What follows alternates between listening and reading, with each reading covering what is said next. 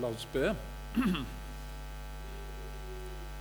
Kjære Jesus, takk for eh, teksten som vi har lest, og sangen som vi har hørt, og det bildet som du eh, vil gi oss av deg sjøl som den gode hyrde. Og Din Hellige Ånd får vise oss litt inn i hva det betyr i, i dag.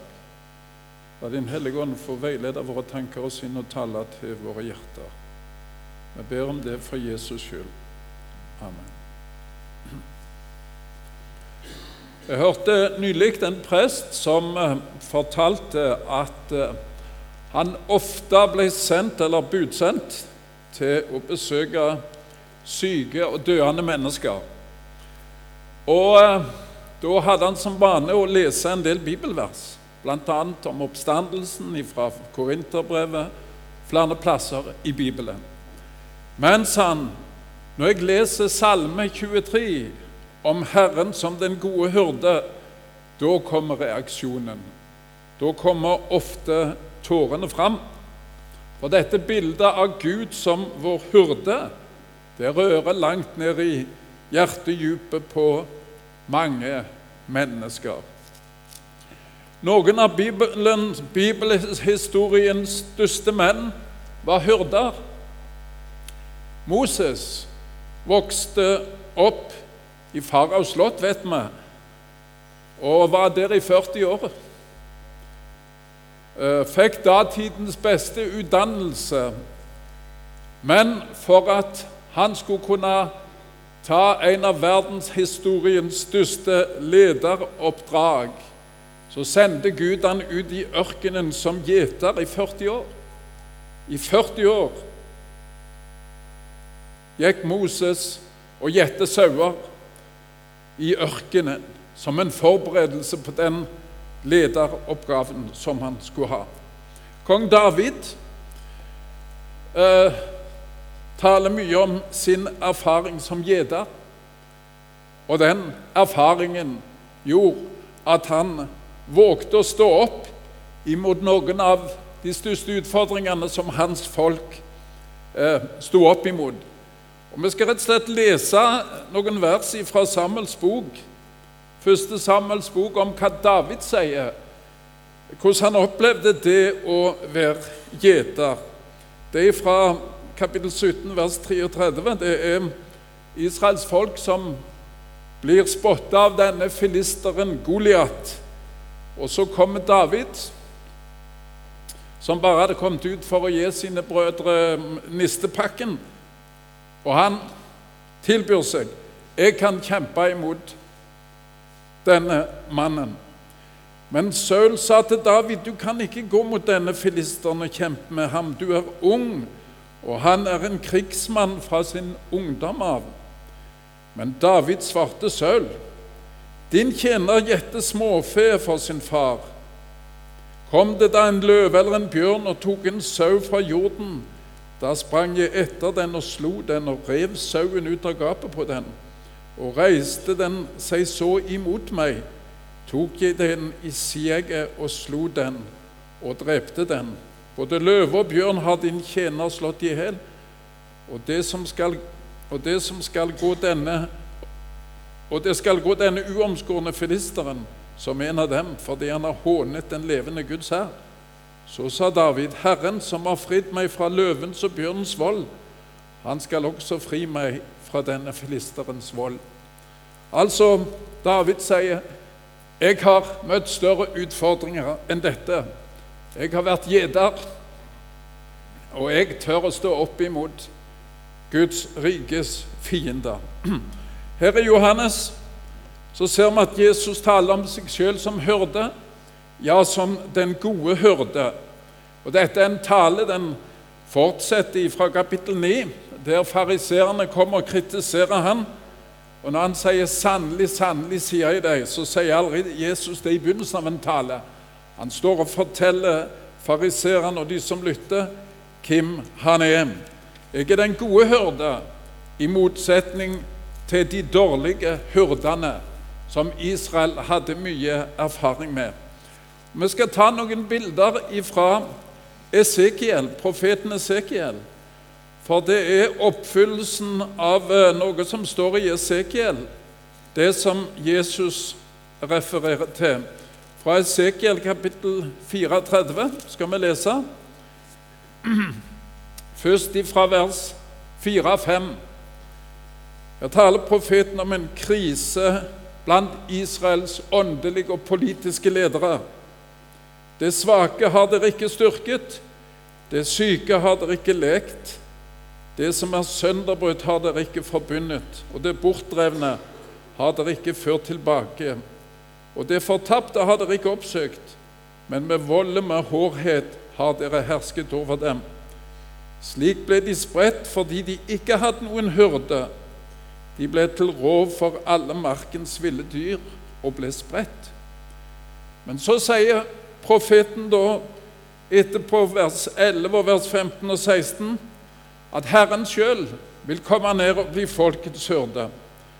For så sier Herren, se, jeg kommer og vil spørre etter min jord og se etter dem. Og vers 15. Jeg vil selv være hyrde for min jord, og selv la den få hvile, sier Herren. De fortapte vil jeg oppsøke, og de bortdrevne vil jeg føre tilbake, og de sønderbrutte vil jeg forbinde, og de syke vil jeg styrke. Men det fete og det sterke vil jeg ødelegge. Jeg vil røkte dem slik som rett er. Denne profetien kjente Israel. De visste at det skulle komme en hyrde en dag, sendt fra Gud, som skal ordne opp for folket. Og det er underlig at Israel venter ennå på denne hyrden. Israels folk venter ennå på sin Messias. I synagogebønnen i dag så har de tatt ut Esaias 53 om han som lei og død og ble forkasta, og som ble slakta for våre synder. Ja, de venter ennå på Israels trøst. Og Det er underlig å se. Jeg leser en del av de israelske avisene på Internett, prøver å lese litt hver dag. Og de har salmene, de har alt. Og de venter på Messias. Og så vet de ikke ennå at han er kommet, den hurden som var lovt i Det gamle testamentet. Så her kommer altså Jesus framfor de religiøse lederne og for Israels folk, og så vifter han med en rød klut, og så sier han denne hurden som profeten taler om, det er meg, det. Det er jeg som er hyrden. Det er jeg som skal samle folket. Det er jeg som skal forbinde deres sår. Det er jeg som skal ha omsorg for dem og lede dem, og det er meg de kan fylle.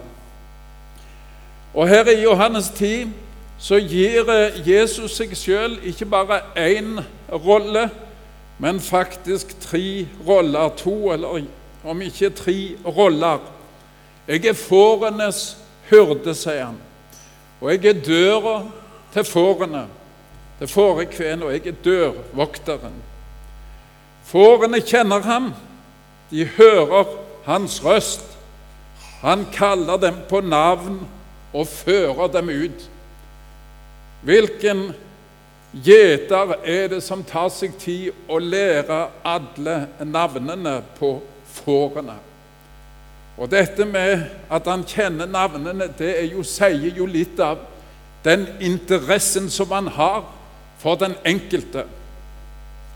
Når jeg jobbet med dette, så kom jeg til å tenke på når meg og Edith reiste til England på et bibelstevne hvert år i åtte år og hørt mange gode taler og mange fantastiske utlegginger av Skriften. Og En av de beste han heter David Cook fra Australia.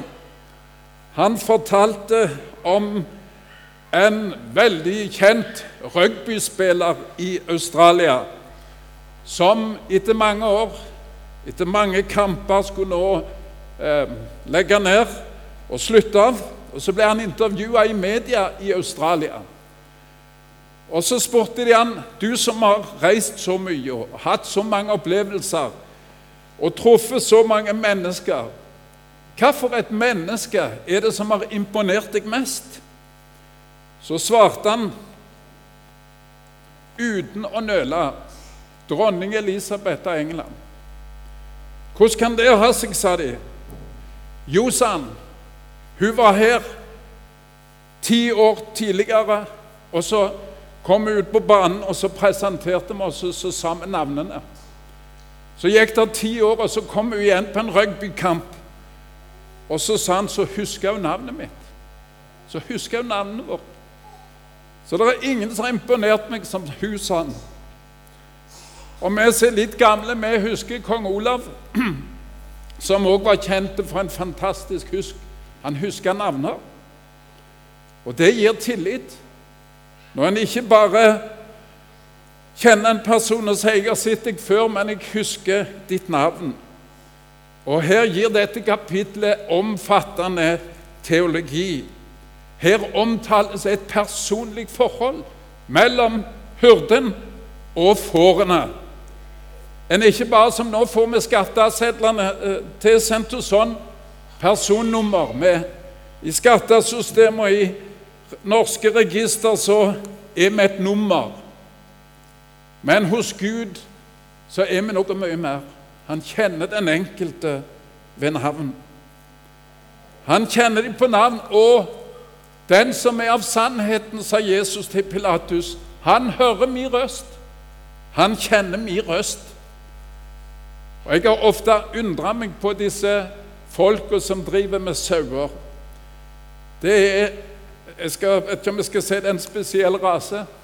Mange av dem har en veldig interesse for det de driver på med. Nå har jeg en bror som er av den kategorien. Og En gang så var vi i Kvinesdal på en saueutstilling. Og um, når vi skulle kjøre hjem, så hadde han kjøpt seg en fire-fem lam som uh, han hadde på åpen tilhenger. Og mens vi kjørte hjem til han da, så svingte vi innom en nabo som òg drev med sauer. Og Naboen han sto og reparerte taket, sto oppe på taket av huset sitt. Så stoppet han tilhengeren der, så snakket de sammen. Så står naboen og ser ned i tilhengeren, og så sier han, 'Jeg ser hvor du har kjøpt lam av henne.' Jeg, kjenner hvor, jeg ser hvor de kom ifra. Da må jeg si jeg ble imponert. For av og til kan vi si vi treffer en person du ligner på mor di eller du ligner på far din. Men tenk å kunne se på sauene hvor de kom ifra. Da har du spesiell interesse, spør du meg.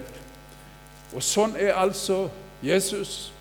Han kjenner sine, og han kjenner dem på navn. Og eh, han vil ha et helt personlig forhold til den enkelte. For her snakker vi ikke om sauer og hyrde i den forstand. Det forstår alle at det er symbolsk. Se hva det står i 1. Peters brev, kapittel 2 og vers 25, hvis vi kan få opp det verset. Der skriver Peter dere var jo som villfarne får, men nå er omvendt til deres sjelers hyrde og tilsynsmann. Det er en hyrde for sjelene vi snakker om. Det er ikke hyrde for sauer i den forstand. Det er en hyrde for vårt liv, en hyrde for våre sjeler. Og ehm, jeg gikk i min ungdom, lenge siden, på Fjellhaug i fire år. Begynte på misjonsskolen. Og for meg ble det uh, en opplevelse å sitte ned med Guds ord lese Guds ord, studere det på heltid. Og meg og bodde sammen med en som heter Trond Bø, som mange kjenner, i fire år. Og det var underlig når, når Guds ord begynte å komme inn i Sette sitt lys inn i hjertet. Det er jo sånn om våren og forstår jeg, Vi hadde storrengjøring i Salem på onsdag. Jeg hadde bibeltime på Madla og ikke kunne være med på det, men det er underlig med lys om våren. Da avdekker det all skitten, og det sender lys inn i, rundt oss, så vi ser det som vi ikke ser når det er mørkt. Og sånn var det opplevd når vi begynte på misjonsskolen. Lyset kom og avdekka mange ting. Og jeg ble spesielt opptatt, eller merka meg spesielt noe som står i Sakarias kapittel 3 om ypperstepresten som står for Herrens åsyn, og Satan som sto for å anklage han, og ypperstepresten sto i skitne klær. Og nå har det vært sånn, og I senere tid så har vi lært oss språk. Lærte både engelsk og swahili. Og så sa de det til oss Når du er kommet så langt at du drømmer på språket, da begynner du å kunne det. Og det gikk så langt på fjellet at jeg begynte å drømme om Sakarias. Og jeg til og med ropte til Trond i halvsøvne Du, hvordan var det med han Sakarias? Gikk han her på Fjellhaug i fjor, han?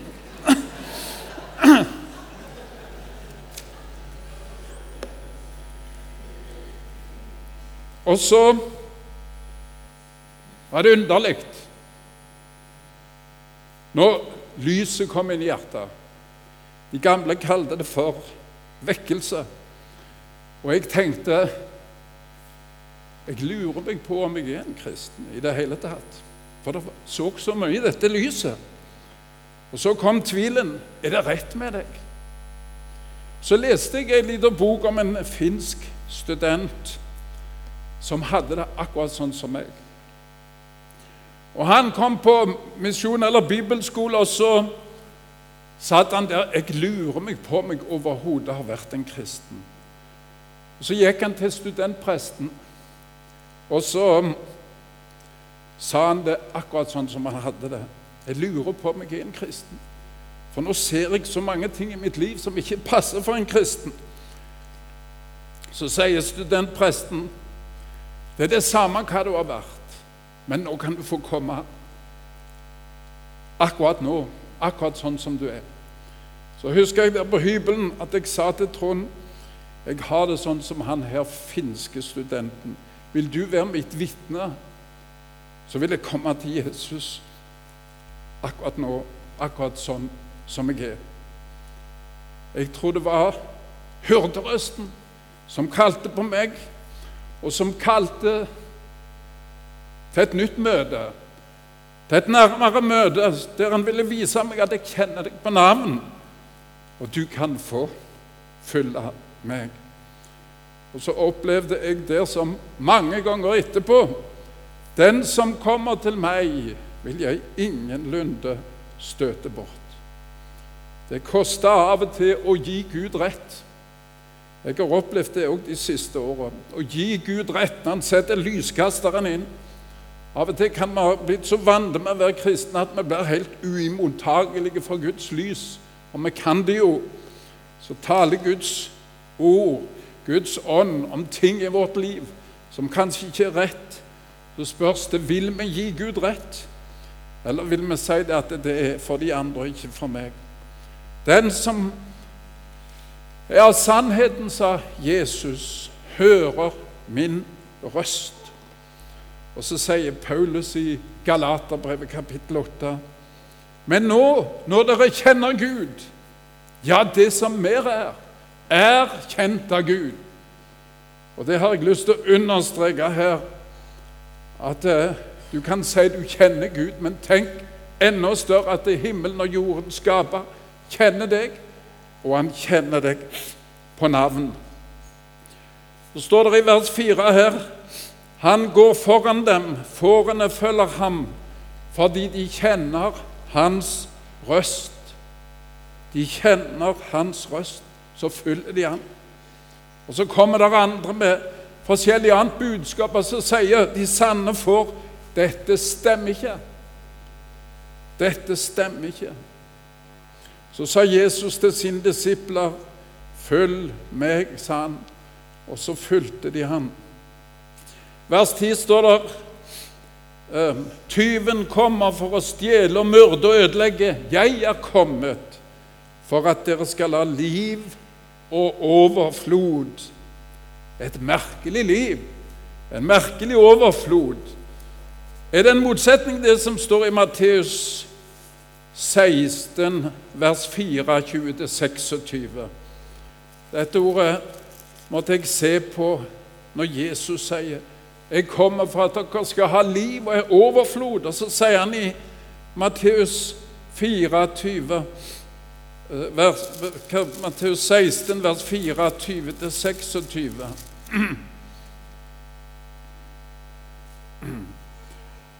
Om noen vil komme etter meg, da må han fornekte seg selv og ta sitt kors opp og følge meg. For den som vil berge sitt liv, skal miste det, men den som mister sitt liv for min skyld, han skal finne det. For hva gagner det et menneske om han vinner hele verden, men tar skade på sin sjel? Eller hva kan et menneske gi i vederlag for sin sjel? Jesus han kommer med et prinsipp.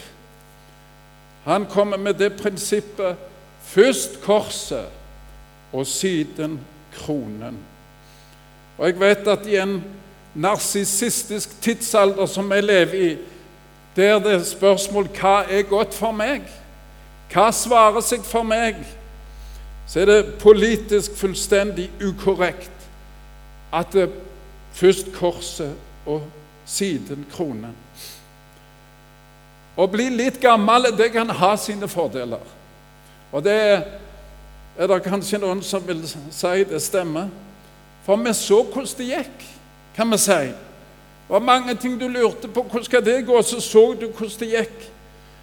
Og jeg vil si at dette Jesu ord, det stemmer med sånn som det går på lang sikt.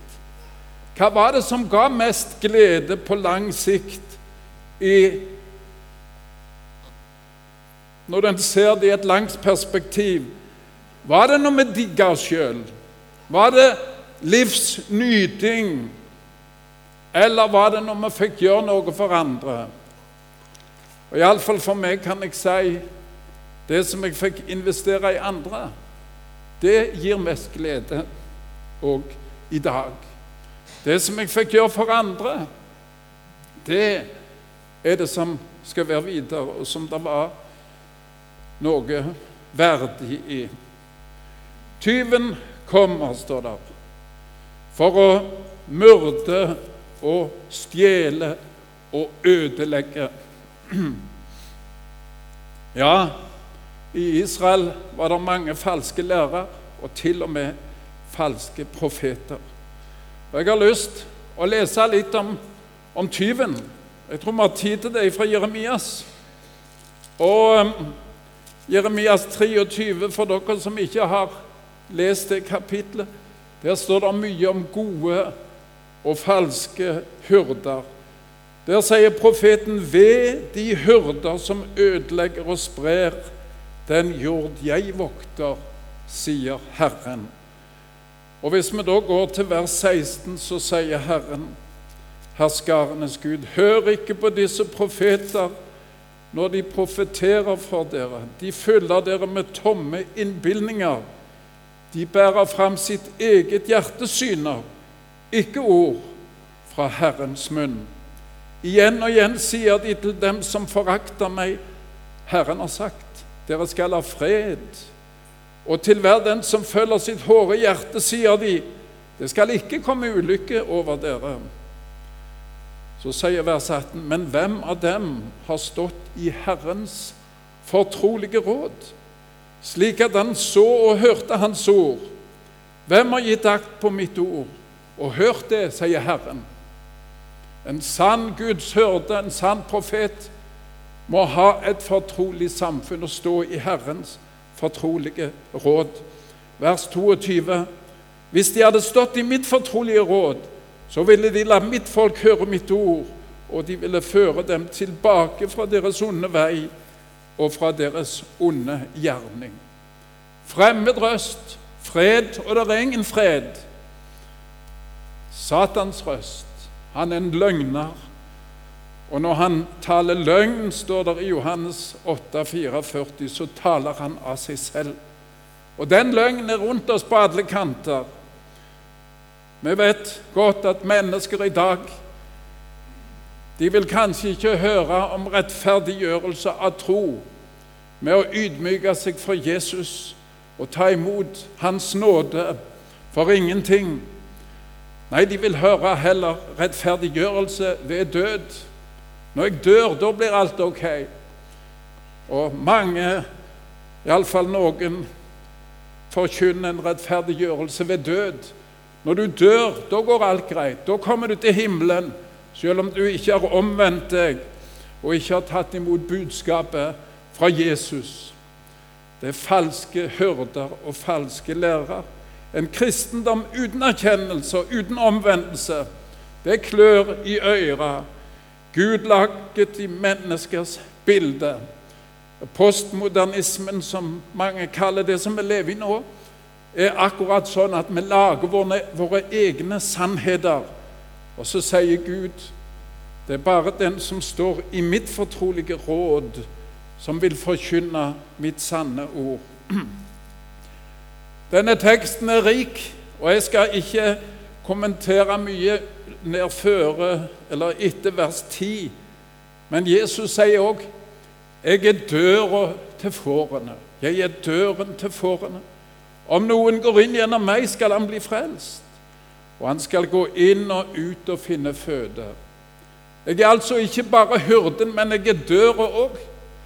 Og den som går inn og ut her hos meg, han skal finne føde. Vi bodde nesten ti år på Voi i Kenya, som nærmeste nabo til nasjonalparken. Og der var mange som gikk og gjette geiter og, og, og sauer. Og om kvelden så hadde de innhegninger med lagd av tornekratt.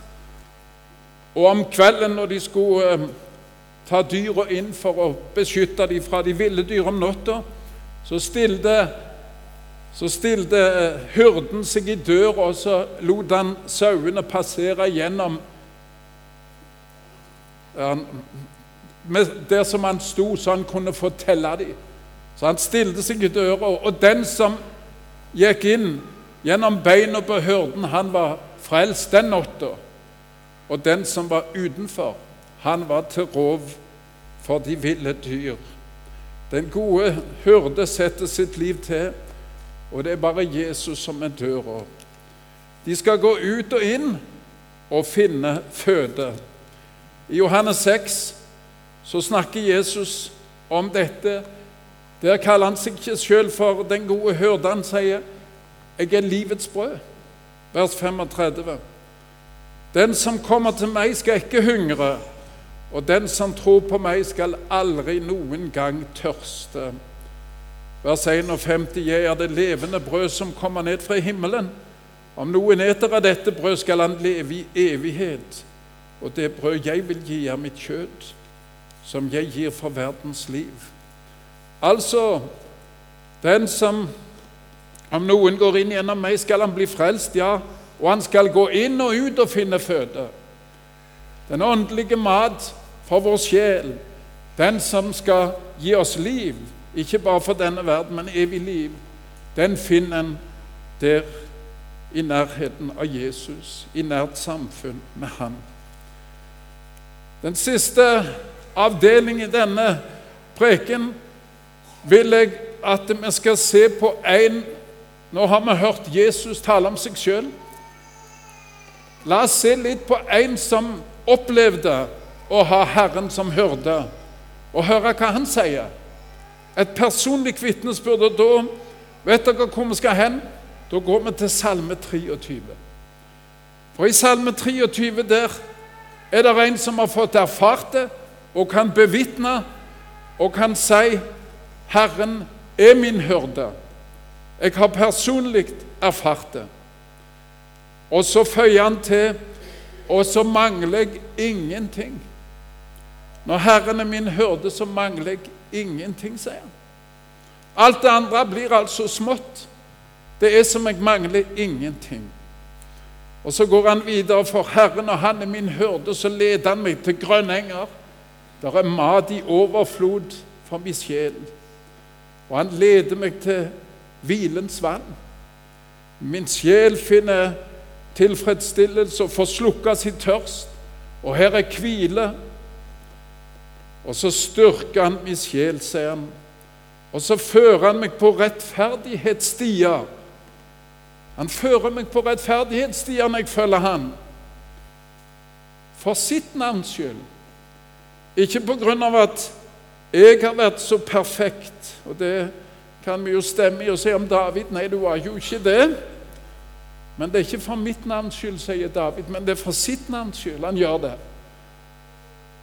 Min oppgave er bare å følge Han og holde meg nær til Han. Og noe av det beste av alt som har vært til trøst til mange, mange mennesker, selv om jeg går gjennom dødsskyggens dal, frykter jeg ikke for ondt. Er det et som de kaller for et overstatement? Er det en overdrivelse?